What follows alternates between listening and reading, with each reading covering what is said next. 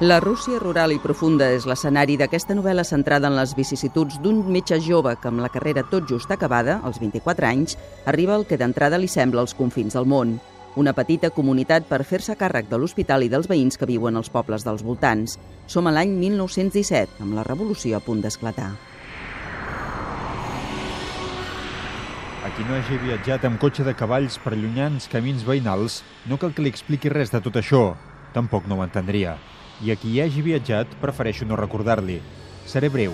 Les 40 verstes que separen la capital de districte, Grachovska, de l'Hospital de Murievo, el meu cotxe i jo, les vam recórrer en 24 hores exactes. El jove metge cremarà els seus anys de joventut en aquest racó allunyat de la civilització que es manté la major part de l'any emblanquinat sota una flaçada de neu paisatges blancs de postal, però també pluja, foscor i un fred terrible que es fica als ossos i que s'encomana fins i tot al lector d'una manera obsessiva.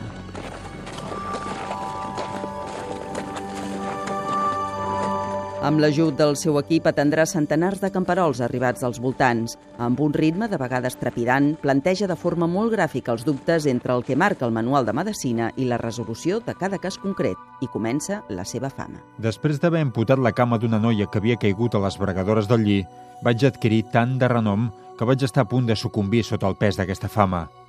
Al meu consultori començaren a venir per un fressat camí de trineus un centenar de camperols al dia el metge s'haurà d'afrontar amb malalties que s'acabaran convertint en una autèntica plaga, com la sífilis, i amb la indiferència dels malalts que no entenen què és aquella malaltia venèria i que no accepten el llarg guariment que comporta. La lluita contra la ignorància dels camperols, atrapats per la tenalla de la pobresa i a les portes d'una guerra imminent, és en general aferrissada. Les anècdotes se succeeixen. A un pacient li recepten cataplasmes de fulla de mostassa francesos i li recomanen que se'n posi una a l'esquena i una altra al pit durant 10 minuts. Al cap de dos dies, torna a la consulta. I ara què passa? pregunta el doctor. I Cosi li diu, doncs que els teus cataplasmes no m'han servit de res. M'encerrones, respon el doctor. No pot ser que no serveixin els cataplasmes de mostassa francesos. Segur que no te'ls deus haver posat, oi? Com que no me'ls he posat? Si encara els porto posats. I amb aquestes paraules es gira i portava el cataplasma enganxat a la pallissa. La llevadora Pelageia Ivavnova atén un dia una partera. La vaig examinar i noto sota els dits, al coll de l'úter, una cosa incomprensible entre engrunes i grànuls. Es tractava de sucre refinat – L'àvia, la curandera, li havia ensenyat. El part d'ella era difícil. La criatura no volia sortir a aquest món de Déu. S'havia de fer alguna cosa per atraure-la. I vet aquí que decideixen fer-la sortir amb una cosa dolça.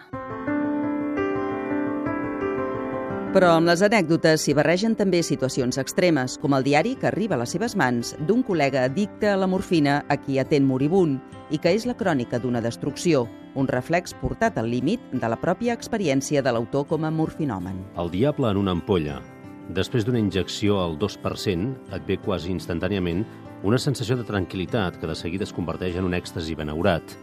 Això dura només un o dos minuts i després tot desapareix sense deixar rastre, com si no hagués existit. Arriba el dolor, l'horror, les tenebres. Morir de set és una mort paradisíaca comparada amb la set de morfina.